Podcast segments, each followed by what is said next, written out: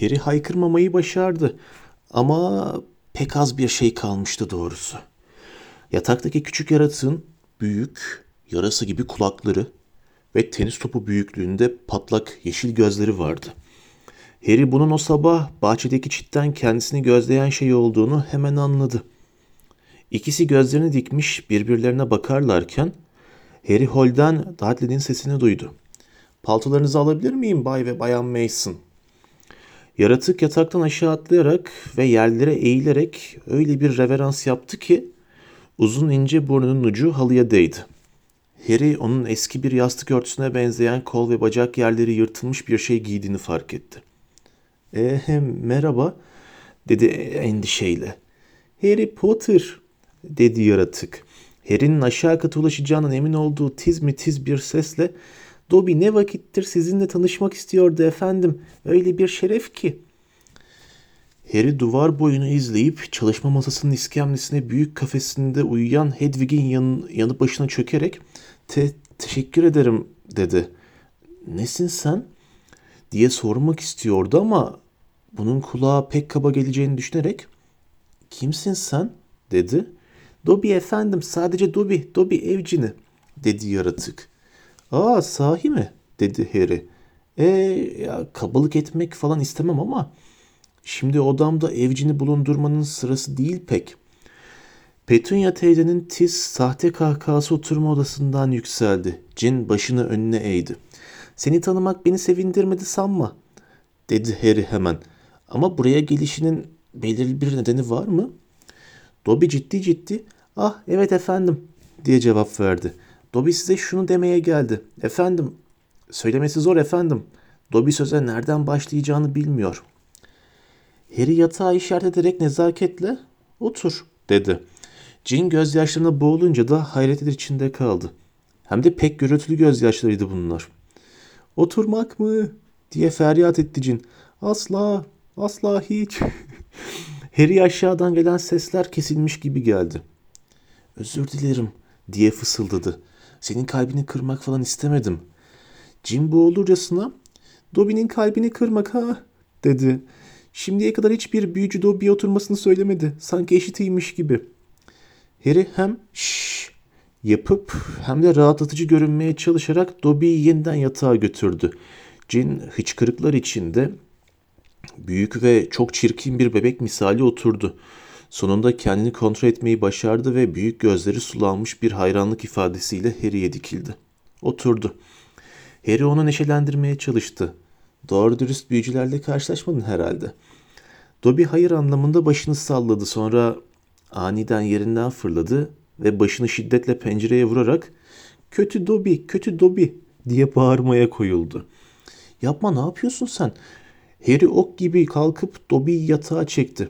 Hedwig feryat ederek uyanmıştı. Kanatlarını çılgıncasına kafesinin çubuklarına vuruyordu. Gözleri hafif şaşılaşmış cin, Dobby'nin kendisini cezalandırması gerekiyordu efendim, dedi. Dobby az daha ailesi hakkında kötü şeyler söyleyecekti efendim. Ailen mi? Dobby'nin hizmet ettiği büyücü ailesi efendim. Dobby bir evcini. Aynı eve ve aileye sonsuza kadar hizmet etmek zorunda. Harry merakla burada olduğunu biliyorlar mı? diye sordu. Dobby titredi. Ah hayır efendim hayır Dobby'nin sizi görmeye geldiği için kendini çok acı verici şekilde cezalandırması gerek efendim. Dobby bu yüzden kulaklarını fırın kapağına kıstıracak. Bir bilseler efendim. Ama sen kulağını fırın kapağına kıstırınca fark etmezler mi? Dobby'nin kuşkuları var efendim. Dobby hep bir şeyler için kendini cezalandırmak zorunda kalıyor efendim. Dobby'nin bunu yapmasına izin veriyorlar efendim. Hatta bazen daha da cezalandırmamı hatırlatıyorlar.'' Ama niye bırakmıyorsun, kaçmıyorsun? Bir evcinin serbest bırakılması gerekir efendim. Ve aile Dobby'yi asla serbest bırakmayacak. Dobby ölene kadar aileye hizmet edecek efendim. Harry baka kaldı. Ve ben de burada dört hafta daha kalacağım diye talihsiz olduğumu düşünmüştüm, dedi. Bunun yanında Dursley'ler bile insana benziyor. Peki kimse sana yardım edemez mi? Ben edemez miyim? Ama bu sözler ağzından çıkar çıkmaz dediğine diyeceğine pişman oldu. Dobby yeniden şükran feryatları içinde eriyip gitmişti çünkü. Lütfen diye fısıldadı Harry. Eli ayağı birbirine dolaşmış halde. Lütfen sessiz ol. Eğer Dursley'ler duyarsa, senin burada olduğunu anlarlarsa. Harry Potter, Dobby'ye de yardım edebilir miyim diye soruyor. Dobby'ye sizin ne kadar büyük olduğunuzu anlatmışlardı efendim. Ama ne kadar iyi olduğunuzu Dobby asla. Yüzünün resmen kıpkırmızı olduğunu hisseden Harry, benim büyüklüğüm hakkında işittiklerin saçmalıktan başka bir şey değil dedi. Hogwarts'ta birinci sınıf öğrencisi bile değilim. Birinci ya birincilerden bile değilim. Birinci olan Hermione o ama birden durdu. Çünkü Hermione'yi düşünmek ona acı veriyordu. Dobby küre gibi gözleri alev alev Harry Potter kibirden uzak ve alçak gönüllü dedi. Harry Potter adı anılmaması gereken kişiye karşı kazandığı zaferden söz etmiyor. Voldemort mu? dedi Harry. Dobby ellerini yarasa kulaklarına kapatıp inledi. Aa hayır söylemeyin efendim adını söylemeyin. Özür dilerim dedi Harry hemen. Birçok kişinin bundan hoşlanmadığını biliyorum. Arkadaşım Ron yine durdu. Ron'u düşünmek de acı veriyordu. Dobby gözleri araba farı gibi Harry'e doğru eğildi boğuk bir sesle. Dobby duydu ki dedi.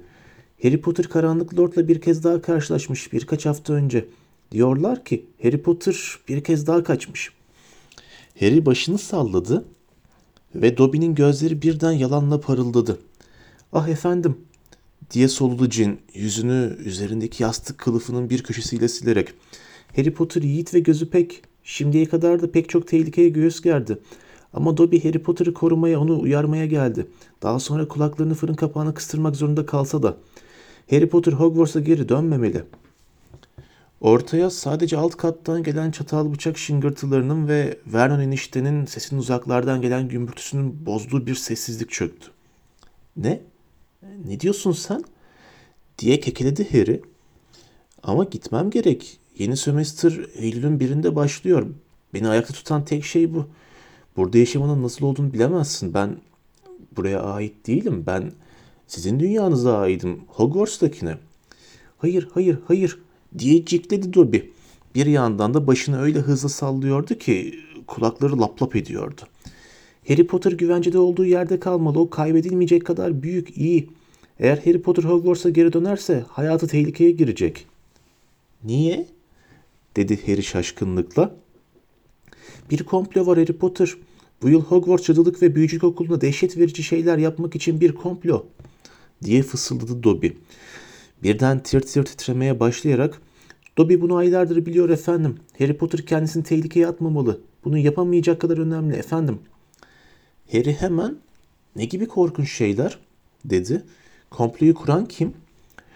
Dobby boğulur gibi garip bir ses çıkardı sonra da başını çılgınca duvara vurmaya başladı. Tamam tamam diye bağırdı Harry. Jen'i durdurmak için kolunu yakalayarak söyleyemezsin anlıyorum ama beni niye uyarıyorsun ki?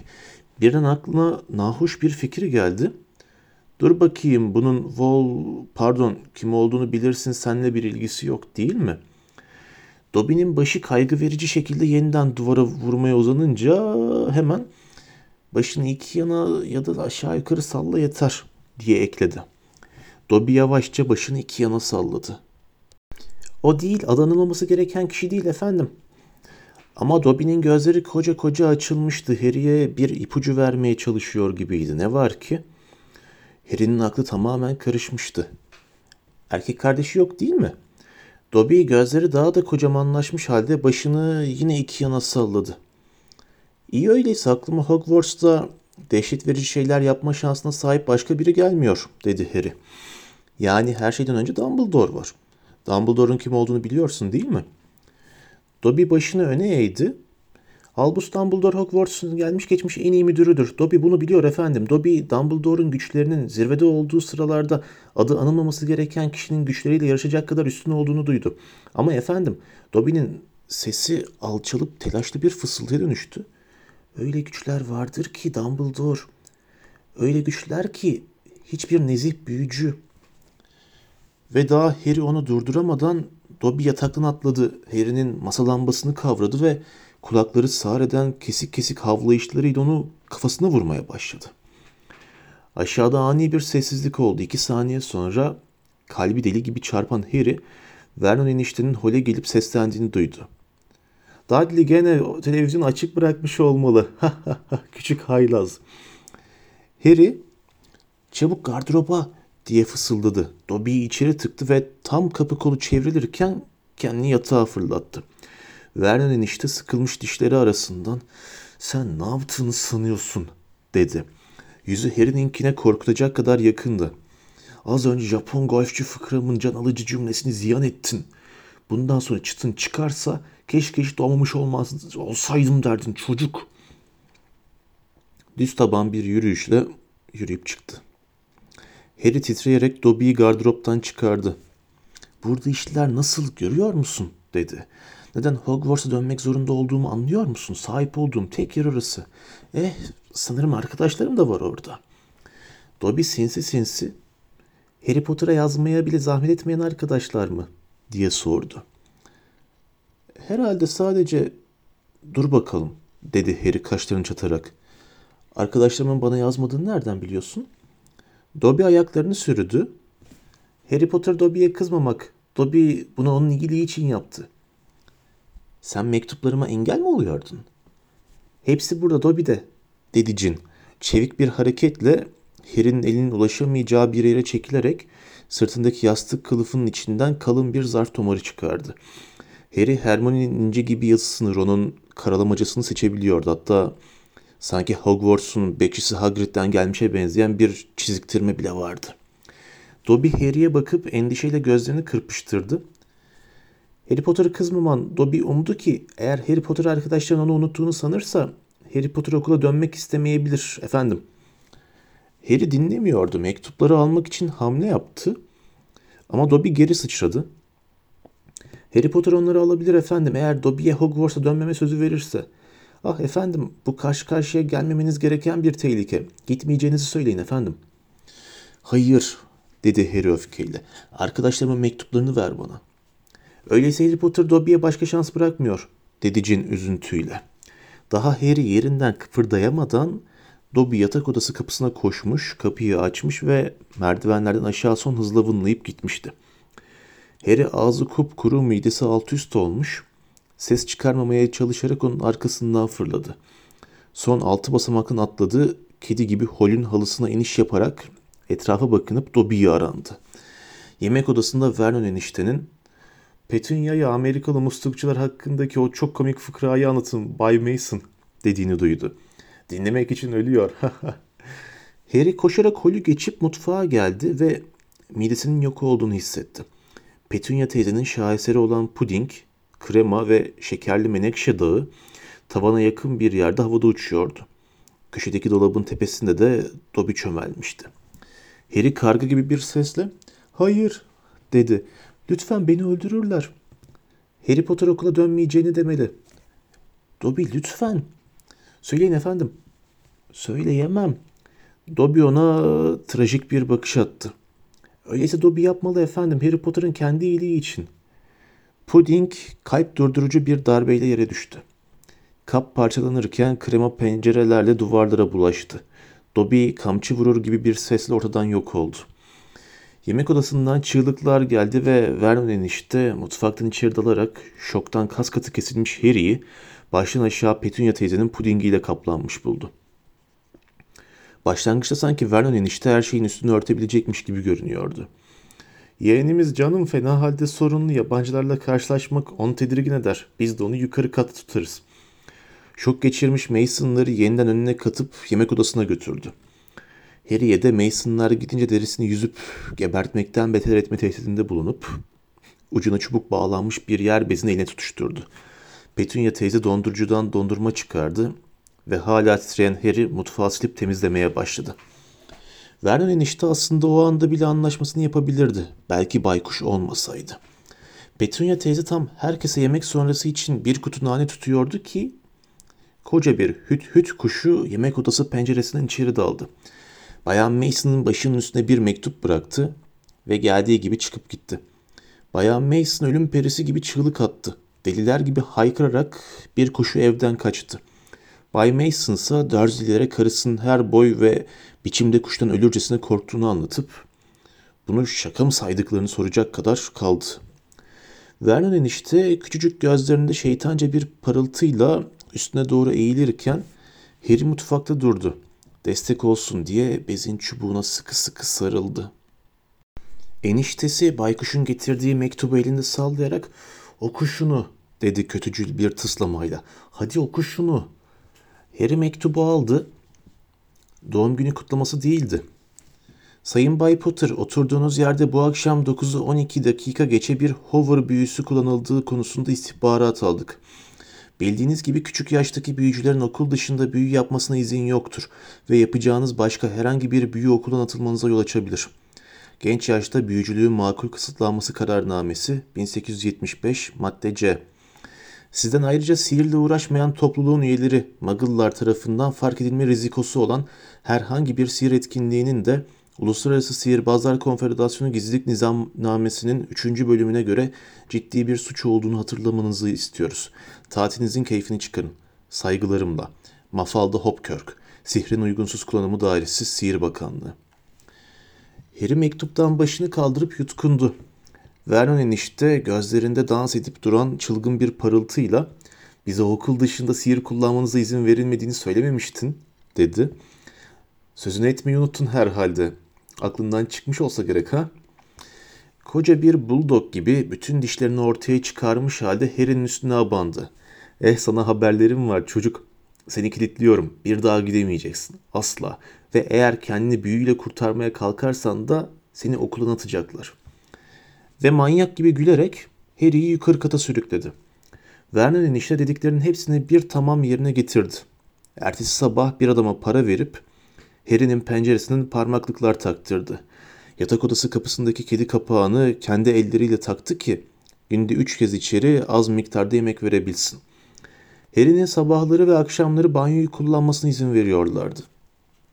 Bunun dışında gece gündüz odasında kilitliydi. Üç gün geçmişti. Dursley'ler hiç yumuşama belirtisi göstermiyorlardı. Harry de bu durumdan nasıl kurtulacağı konusunda bir fikre sahip değildi. Yatağında uzanıp güneşin penceredeki parmaklıkların ardında batmasını izleyerek perişan halde başına neler geleceğini merak ediyordu. Hogwarts'tan bunu yaptı diye atılacaksa sihir yoluyla kendi odasından çıkarmanın ne anlamı vardı ki? Öte yandan Private Drive'daki hayat da şimdiye kadar olmadığınca dibe vurmuştu. Artık Dursley'ler meyve yarısası olarak uyanmayacaklarını bildikleri için tek silahını da kaybetmişti. Dobby Hogwarts'taki dehşet verici olaylardan Harry'i kurtarmış olabilirdi. Ama ne fark eder? İşler böyle giderse aşktan ölecekti nasılsa. Kedi kapağı tıkırdadı ve Petunia teyzenin eli göründü. Bir kase konserve çorbayı odaya itti. Açlıktan midesi kazınan Harry yataktan zıplayıp kaseyi kaptı. Çorba buz gibi soğuktu ama yine de yarısını bir yudumda içti. Sonra odanın öbür yanına Hedwig'in kafesine gitti. Kafesin dibindeki sırılsıklam sebzeleri onun boş yem tepsisini boşalttı. Baykuş tüylerini kabartıp ona derin bir iğrenmeyle dolu bir bakış attı. Gaganı kıvırmanın sana bir yararı olmaz. Elimizde bundan başkası yok, dedi Harry acımasızca. Boş kaseyi yine yere, kedi kapağının yanına koydu ve yine yatağa yattı. Karnı sanki çorbayı içmeden öncekinden daha da acıkmış gibiydi. Diyelim ki dört hafta sonra hala hayatta olsun. Hogwarts'a gitmezse ne olacaktı? Niye dönmedi diye bakmak üzere birini yollarlar mıydı? Dursley'lerin onu bırakmasını sağlayabilirler miydi? Odasının içi kararmaya başlamıştı. Bitkin, karnı guruldayarak, kafası hep aynı cevap verilemez sorularla karışmış olan Harry, huzursuz bir uykuya daldı. Rüyasında kendini bir hayvanat bahçesinde halka gösterilirken gördü. Kafesin üzerine yaşı küçük büyücü yazan bir kart iliştirmişlerdi. İnsanlar o aşkın ölecek halde, zayıf düşmüş halde saman bir yatakta yatarken parmaklıklar arasından gözleri fal taşı gibi ona bakıyorlardı. Kalabalığın arasında Dobby'nin yüzünü gördü ve bağırarak ondan yardım istedi ama Dobby, Harry Potter burada güvencede efendim diye bağırıp ortadan yok oldu. Sonra Dursley'ler göründü ve Dudley ona gülerek kafesin parmaklıklarını takırdattı. Yeter diye mırıldandı Harry. Takırtı zaten ağrıyan başını zonklatmıştı. Beni rahat bırak, kes şunu, uyumaya çalışıyorum. Gözlerini açtı. Mehtap penceredeki parmaklıkların arasında parıldıyordu. ve biri gerçekten de parmaklıkların arasından fal taşı gibi açılmış gözlerle ona bakıyordu. Çilli yüzlü, kızıl saçlı, uzun burunlu biri. Ron Weasley Harry'nin penceresinin dışındaydı.